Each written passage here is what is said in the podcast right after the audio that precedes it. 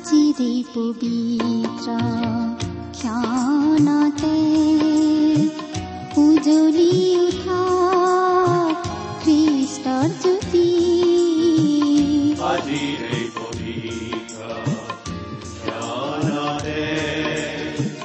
উজ্বলি উঠা খ্ৰীষ্টৰ জ্যোতি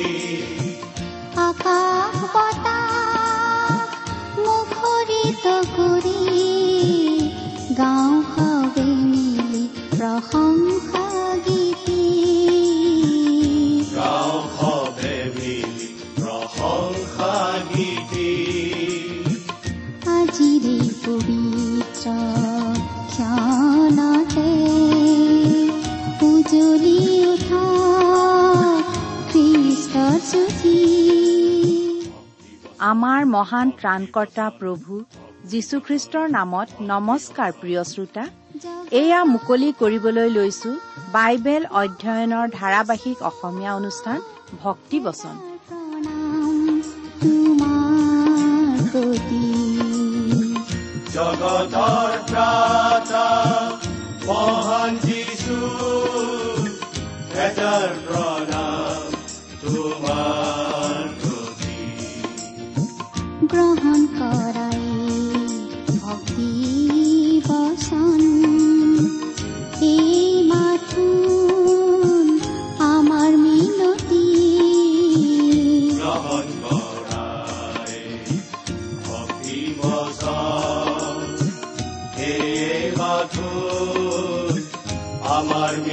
মিনতি আকাশ বতাহ মুখৰিত কৰি গাঁও সবে মিলি প্ৰশংসা গীতি।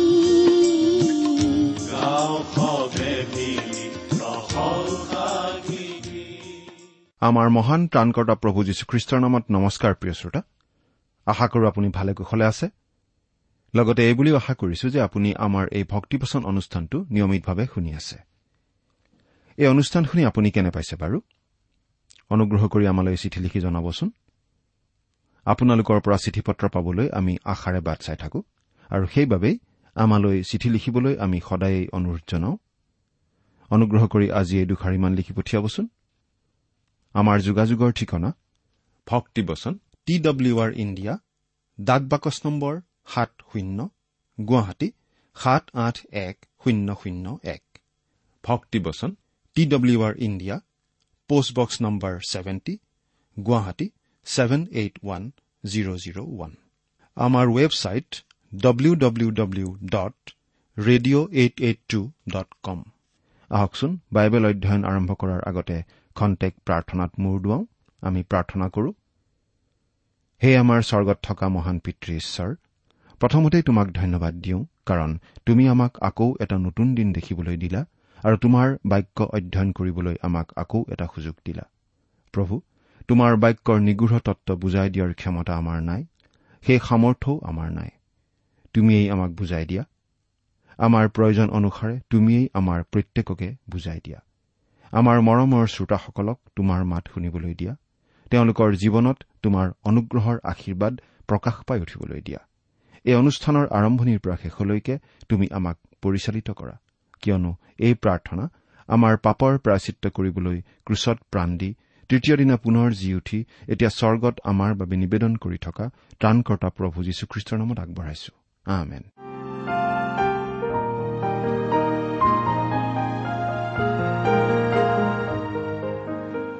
প্ৰিয় শ্ৰোতা আপুনি বাৰু আমাৰ আগৰ অনুষ্ঠানটো শুনিছিল নে যোৱা অনুষ্ঠানত আমি বাৰু কি আলোচনা কৰিছিলো আপোনাৰ মনত আছেনে? যোৱা অনুষ্ঠানত আমি বাইবেলৰ নতুন নিয়ম খণ্ডৰ জাকুবৰ পত্ৰ নামৰ পুস্তকখনৰ অধ্যয়ন আৰম্ভ কৰিছিলো। যোৱা অনুষ্ঠানত এই জাকুবৰ পত্ৰৰ এটা চমু পৰিচয় আগবঢ়াই আমি প্ৰথমটো অধ্যায়ৰ এক আৰু দুই নম্বৰ পদ দুটা পঢ়ি তাৰ ভিত্তিতে আমাৰ আলোচনা আগবঢ়ালো। সেইবাবে আজিৰ অনুষ্ঠানত আমি জাকুবৰ পত্ৰৰ এক নম্বৰ অধ্যায়ৰ তিনি নম্বৰ পদৰ পৰা আমাৰ আলোচনা আৰম্ভ কৰিব খুজিছো। আপুনি আপোনাৰ বাইবেলখন মেলি লৈছেনে বাৰু? প্ৰিয় শ্ৰোতা আমি জাকুবৰ পত্ৰৰ প্ৰথম দুটা পদত পাইছিলো যে খ্ৰীষ্টীয় বিশ্বাসীৰ জীৱনলৈ নানাবিধ পৰীক্ষা ঈশ্বৰেই আহিবলৈ দিয়ে আৰু সেই পৰীক্ষাই আচলতে ধৈৰ্য বৃদ্ধি কৰে। এতিয়া বাইবেলৰ পৰা পাঠ কৰি দিব খুজিছো। জাকুব এক নম্বৰ অধ্যায়ৰ তিনি আৰু চাৰি নম্বৰ পদ। যদিহে আপোনাৰ লগত বাইবেল আছে চাই যাব আৰু যদিহে লগত বাইবেল নাই অনুগ্ৰহ কৰি মন দি শুনিব। পাঠ কৰি দিছো তিনি আৰু চাৰি নম্বৰ পদ। আৰু তোমালোক যেন একোতে অসম্পূৰ্ণ নহৈ সিদ্ধ আৰু সম্পূৰ্ণ হোৱা এই নিমিত্তে সেই ধৈৰ্য সিদ্ধ কাৰ্যবিশিষ্ট হওক। আচলতে ধৈৰ্যইহে আমাক সম্পূৰ্ণ পৰিপক্ক খ্ৰীষ্টীয় বিশ্বাসী হোৱাত সহায় কৰিব পাৰে।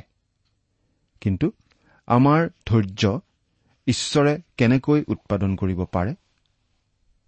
বিশেষভাৱে মন কৰিবলগীয়া কথা এইয়ে যে ধৈৰ্য আচলতে পবিত্ৰ আত্মাৰ এটা ফল। আমি ধৈৰ্যশীল হবলৈ নিজে চেষ্টা কৰি আচলতে প্ৰকৃত অৰ্থত কেতিয়াও ধৈৰ্যশীল হ'ব নোৱাৰো।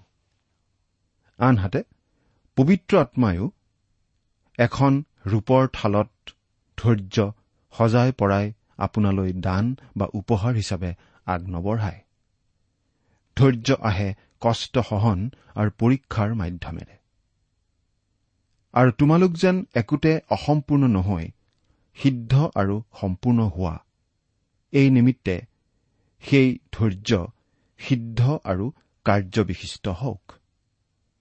ধৈৰ্য অবিহনে আমি কেতিয়াও সিদ্ধ সম্পূৰ্ণ পৰিপক্ক খ্ৰীষ্টীয় বিশ্বাসী হ'ব নোৱাৰো। সেইকাৰণেই আচলতে কিছুমান খ্ৰীষ্টীয় বিশ্বাসী কেতিয়াও বৃদ্ধি পোৱাই নাই। তেওঁলোক কেঁচুৱা হৈয়ে আছে।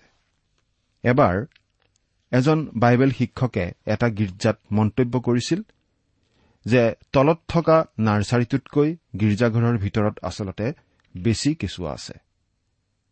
তেওঁৰ সেই মন্তব্য শুনি মানুহবোৰে বৰ বেছি ভাল নাপালে।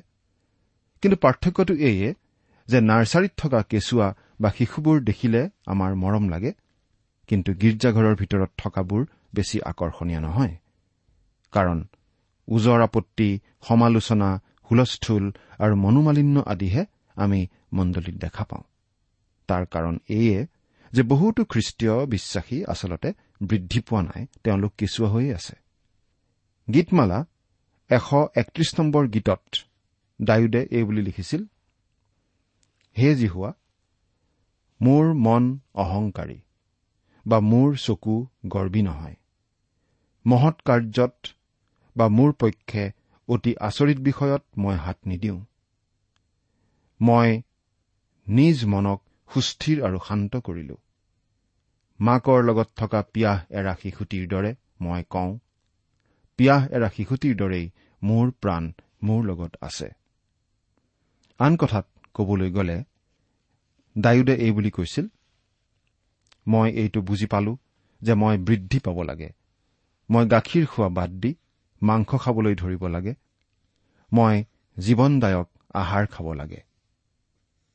ঈশ্বৰে ডায়ুদক পৰীক্ষা কৰিছিল আৰু সেই পৰীক্ষাই ডায়ুদক ধৈৰ্যশীল হোৱাত সহায় কৰিছিল। ৰোমিয়া পত্ৰত পাচনি পৌলে এই বুলি লিখিছে যে বিশ্বাসৰ দ্বাৰা ধাৰ্মিক বুলি গণিত হোৱাৰেই এটা ফল হৈছে ধৈৰ্য। ৰোমিয়া পাঁচ নম্বৰ অধ্যায়ৰ তিনি আৰু চাৰি নম্বৰ পদ পঢ়ি চালে এই কথাটো আমি পাওঁ। ৰোমিয়া পাঁচ নম্বৰ অধ্যায়ৰ তিনি আৰু চাৰি নম্বৰ পদ। এই সকলোবোৰৰ অন্তৰালত এটা উদ্দেশ্য আছে। আজি বহুতো তৰল আৰু উপৰুৱা সাধু আছে। বহুতো লোক আচলতে খ্ৰীষ্টীয় বিশ্বাসী হৈও অনিশ্চয়তাত ভুগি আছে। বহুতো খ্ৰীষ্টীয় বিশ্বাসী আকৌ নিজকে অতি পণ্ডিত দেখুৱাবলৈ গৈ ঈশ্বৰৰ বাক্যৰ ওপৰতেই সন্দেহ প্ৰকাশ কৰে। আন বহুতে আকৌ এনেকৈও ক'ব খোজে যে খ্ৰীষ্টীয় বিশ্বাসী হিচাপে আমি নতুন নৈতিকতাহে আদৰি ল'ব লাগে। প্ৰিয় শ্ৰোতা এনেকুৱা খ্ৰীষ্টীয় বিশ্বাসীসকলৰ সমস্যাটো হৈছে তেওঁলোকে আচলতে বৃদ্ধি পোৱাই নাই। তেওঁলোক এতিয়াও কেঁচুৱা হৈয়ে আছে। ঈশ্বৰে পৰীক্ষা আৰু দুখ কষ্ট আহিবলৈ দিয়ে আমাৰ জীৱনত ধৈৰ্য উৎপন্ন হয় আৰু যাতে আমি ঈশ্বৰৰ পৰিপক্ক আৰু বৃদ্ধি পোৱা সন্তান হ'ব পাৰোঁ। আচলতে আজি এই কথাটোৰেই যথেষ্ট প্ৰয়োজন হৈছে। ঈশ্বৰে কষ্ট সমস্যা পঠিয়াবই লাগিব যাতে আমি ধৈৰ্য শিকিব পাৰোঁ আৰু সেই ধৈৰ্যই আশা আৰু প্ৰেমৰ জন্ম দিয়ে মানুহৰ জীৱনত। আমি আচলতে ইমান দিনৰ অভিজ্ঞতাৰ পৰা ক'ব পাৰোঁ যে পবিত্ৰ আত্মাই বহু মানুহৰ জীৱনত এইদৰে কাম কৰা আমি দেখিবলৈ পাওঁ। এটা মণ্ডলীত এজন লোক আছিল তেওঁ অনবৰতেই দুখ ধৰি ফুৰে। কিন্তু তেওঁ মণ্ডলীত প্ৰতি সপ্তাহে হোৱা বাইবেল অধ্যয়নত যোগ দিবলৈ ধৰিলে। তেওঁৰ লগত বাইবেল লৈ আহিবলৈ ধৰিলে আৰু কিছুমান কথা টুকি ল'বও ধৰিলে। প্ৰায় দহ বছৰ ধৰি এই মানুহজনৰ জীৱনলৈ ঈশ্বৰে বিশেষ কষ্ট কিছুমান আহিবলৈ দিলে। কিন্তু তেওঁ আম্মিকভাৱে বৃদ্ধি পালে আৰু এজন অতি আদৰণীয় খ্ৰীষ্টীয় বিশ্বাসী হৈ উঠিল। ঈশ্বৰে আচলতে নিজৰ লোকসকললৈ এনেকুৱা ধৰণৰ পৰীক্ষা আহিবলৈ দিয়ে। পাঁচ নম্বৰ পদ কিন্তু তোমালোকৰ কাৰোবাৰ যদি জ্ঞানৰ অভাৱ হয় তেন্তে গৰিহণা নকৰাকৈ অকাতৰে সকলোকে দিওঁতা যি ঈশ্বৰ তেওঁক তেওঁ যাচনা কৰক। তাতে তেওঁক দিয়া হ'ব। ইয়াত আচলতে কি জ্ঞানৰ কথা কোৱা হৈছে? সেইটো জাকুবে কৈ থকা পৰীক্ষাৰ সৈতে জড়িত। আমাৰ জীৱনত সমস্যা পৰীক্ষা আৰু কষ্ট আছেই। এনে সমস্যা আমি কেনেদৰে সমাধান কৰিম? এই বিষয়টোৰ মুখামুখি আমি কেনেদৰে হ'ম? সেই মানুহজনৰ লগত মই কেনেদৰে ব্যৱহাৰ কৰিম? যদিহে কোনো এটা সমস্যাৰ সন্মুখীন হবলৈ আপোনাৰ জ্ঞানৰ অভাৱ হয় তেনেহলে আপুনি প্ৰাৰ্থনাৰে ঈশ্বৰৰ গুৰিলৈ যোৱা উচিত। প্ৰজ্ঞা বা জ্ঞান হৈছে আমি জনা বা শিকা কথাৰ অভ্যাস বা ব্যৱহাৰিক প্ৰয়োগ। বহুতো মানুহে বহু কথা জানে কিন্তু তেওঁলোকৰ কোনো ধৰণৰ ব্যৱহাৰিক ধাৰণাই নাই। এজন মানুহে তেওঁৰ এটা অভিজ্ঞতাৰ কথা এনেদৰে কৈছিল।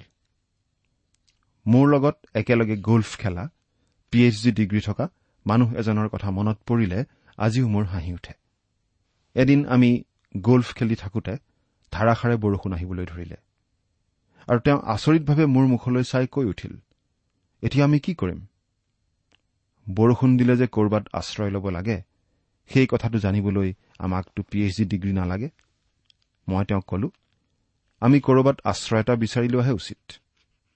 প্ৰজ্ঞা বা ব্যৱহাৰিক জ্ঞান মানে হৈছে দুখ কষ্ট পৰীক্ষাৰ কোনো এটা বিশেষ পৰিস্থিতিত কোনো সমস্যা বা প্ৰশ্নৰ সন্মুখত কেনে আচৰণ কৰিব লাগে কেনে প্ৰতিক্ৰিয়া প্ৰকাশ কৰিব লাগে সেইটো সেইটো জনাটো।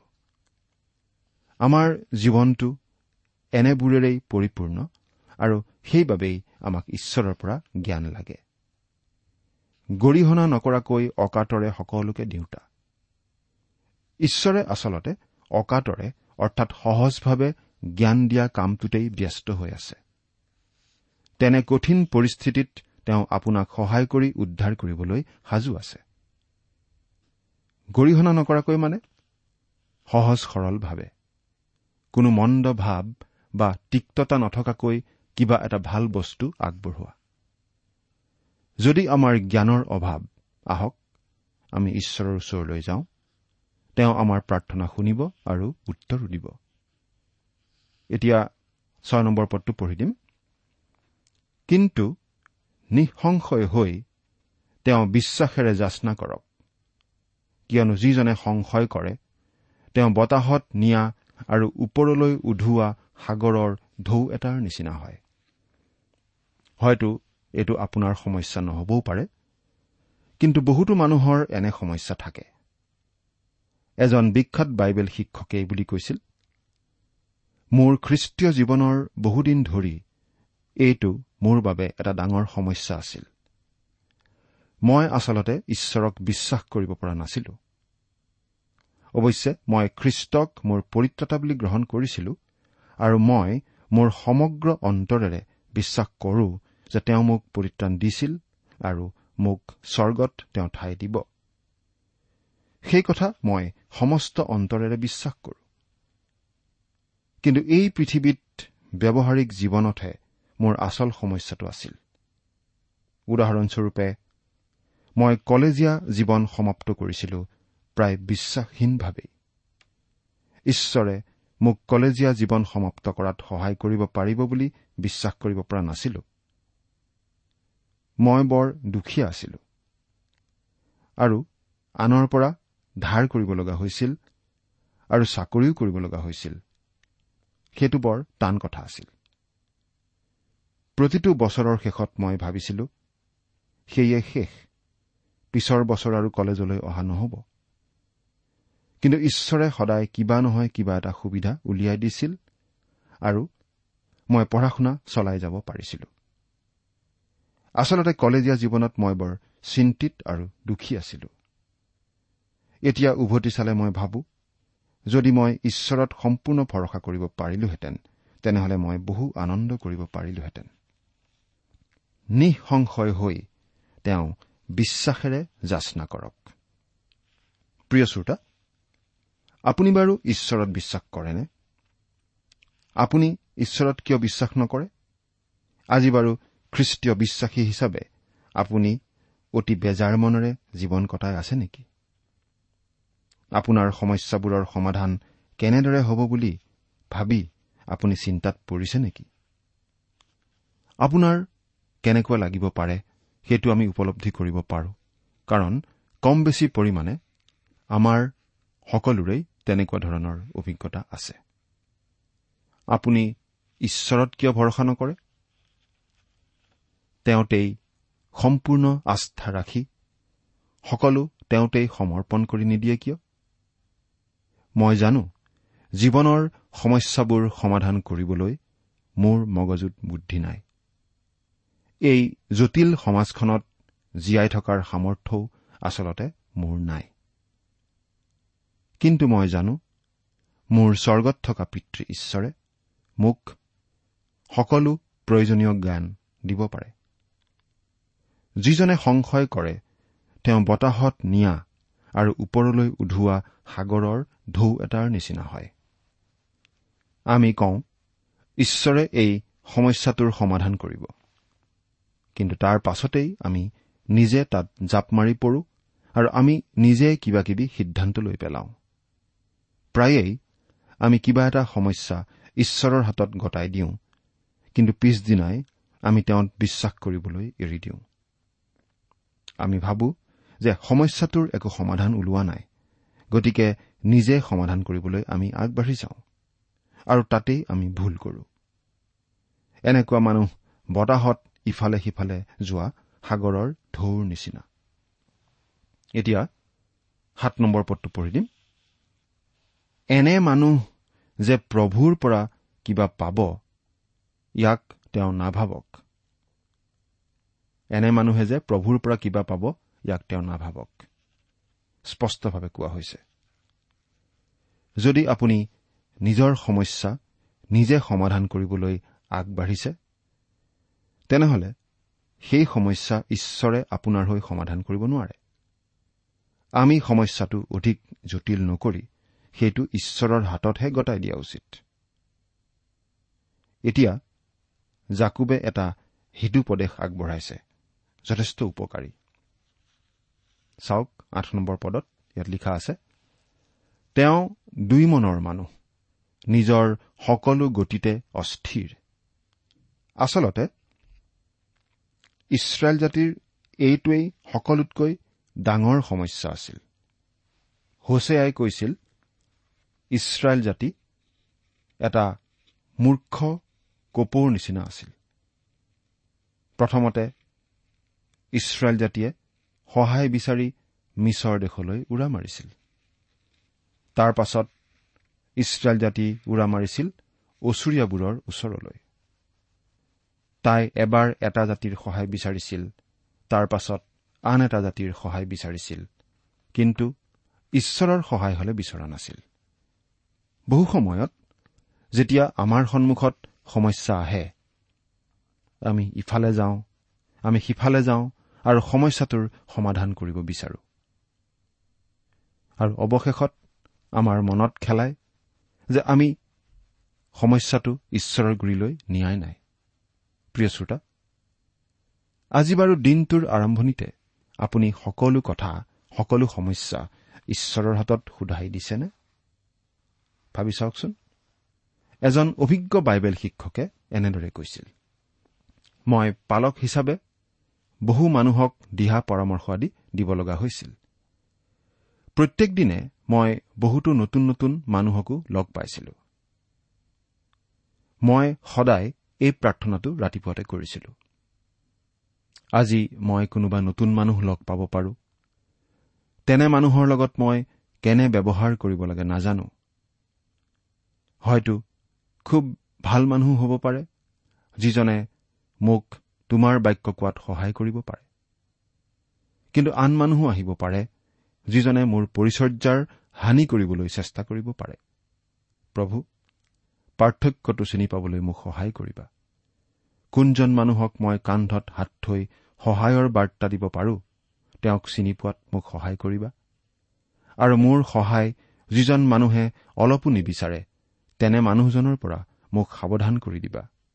প্ৰভু মোক আজিৰ দিনটোৰ বাবে প্ৰয়োজনীয় জ্ঞান দিয়া।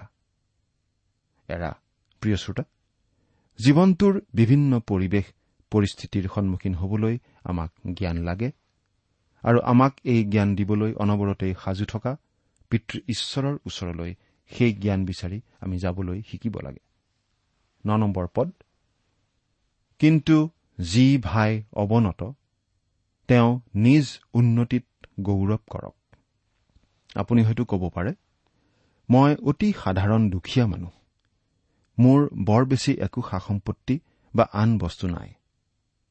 প্ৰিয় শ্ৰোতা যদিহে প্ৰভু যীশুক বিশ্বাস কৰি আপুনি ঈশ্বৰৰ সন্তান হ'ল তেনেহলে আপুনি এই কথাটো জনা উচিত যে আপোনাৰ যথেষ্ট সম্পত্তি আছে। আপোনাৰ স্বৰ্গত প্ৰচুৰ সম্পত্তি আছে। আপুনি বাৰু কেতিয়াবা খন্তেক থমকি ৰৈ এই কথা চিন্তা কৰি চাইছেনে? এতিয়াই আপোনাৰ কিমান মূল্যৱান সম্পদ আছে?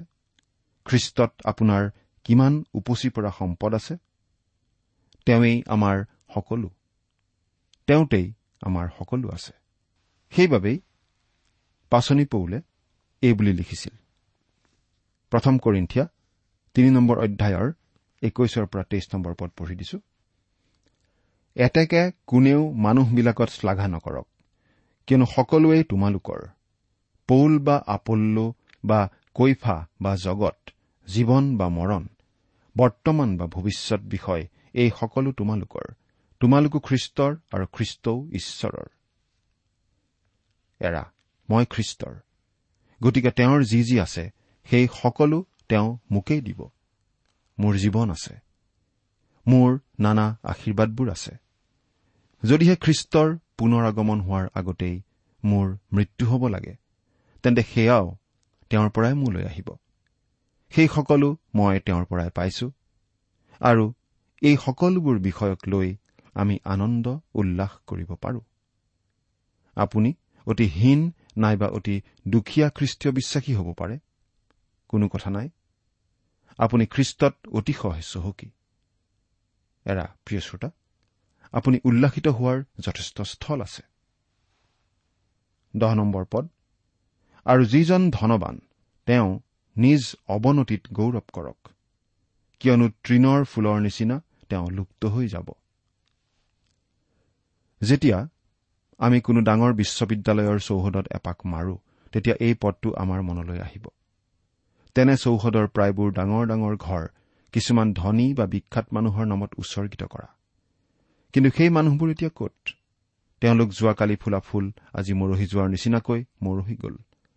এসময়ত তেওঁলোকক কিমান ক্ষমতাশালী লোক হিচাপে মানুহে সমাদৰ কৰিছিল কিমান বিখ্যাত আছিল তেওঁলোক কিন্তু আজি তেওঁলোক নোহোৱা হৈ গ'ল মৰহি গ'ল।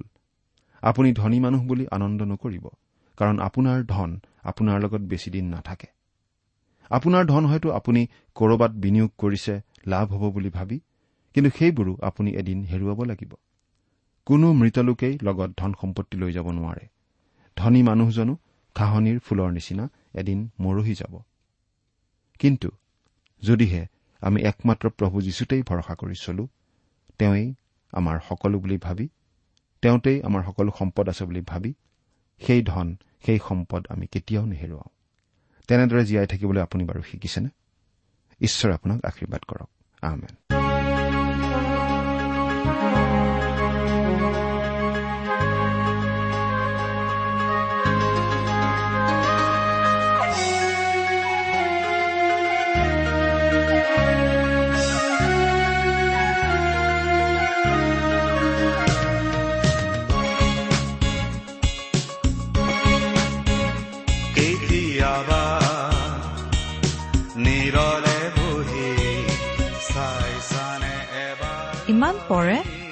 ভক্তিবচন অনুষ্ঠানটি শুনিলে। অনুষ্ঠানটি শুনি কেনে পালে? আমালৈ চিঠি লিখি জনাবচোন। অনুষ্ঠানত প্ৰচাৰ কৰা কোনো কথা বুজিব লগা থাকিলেও আমালৈ লিখক।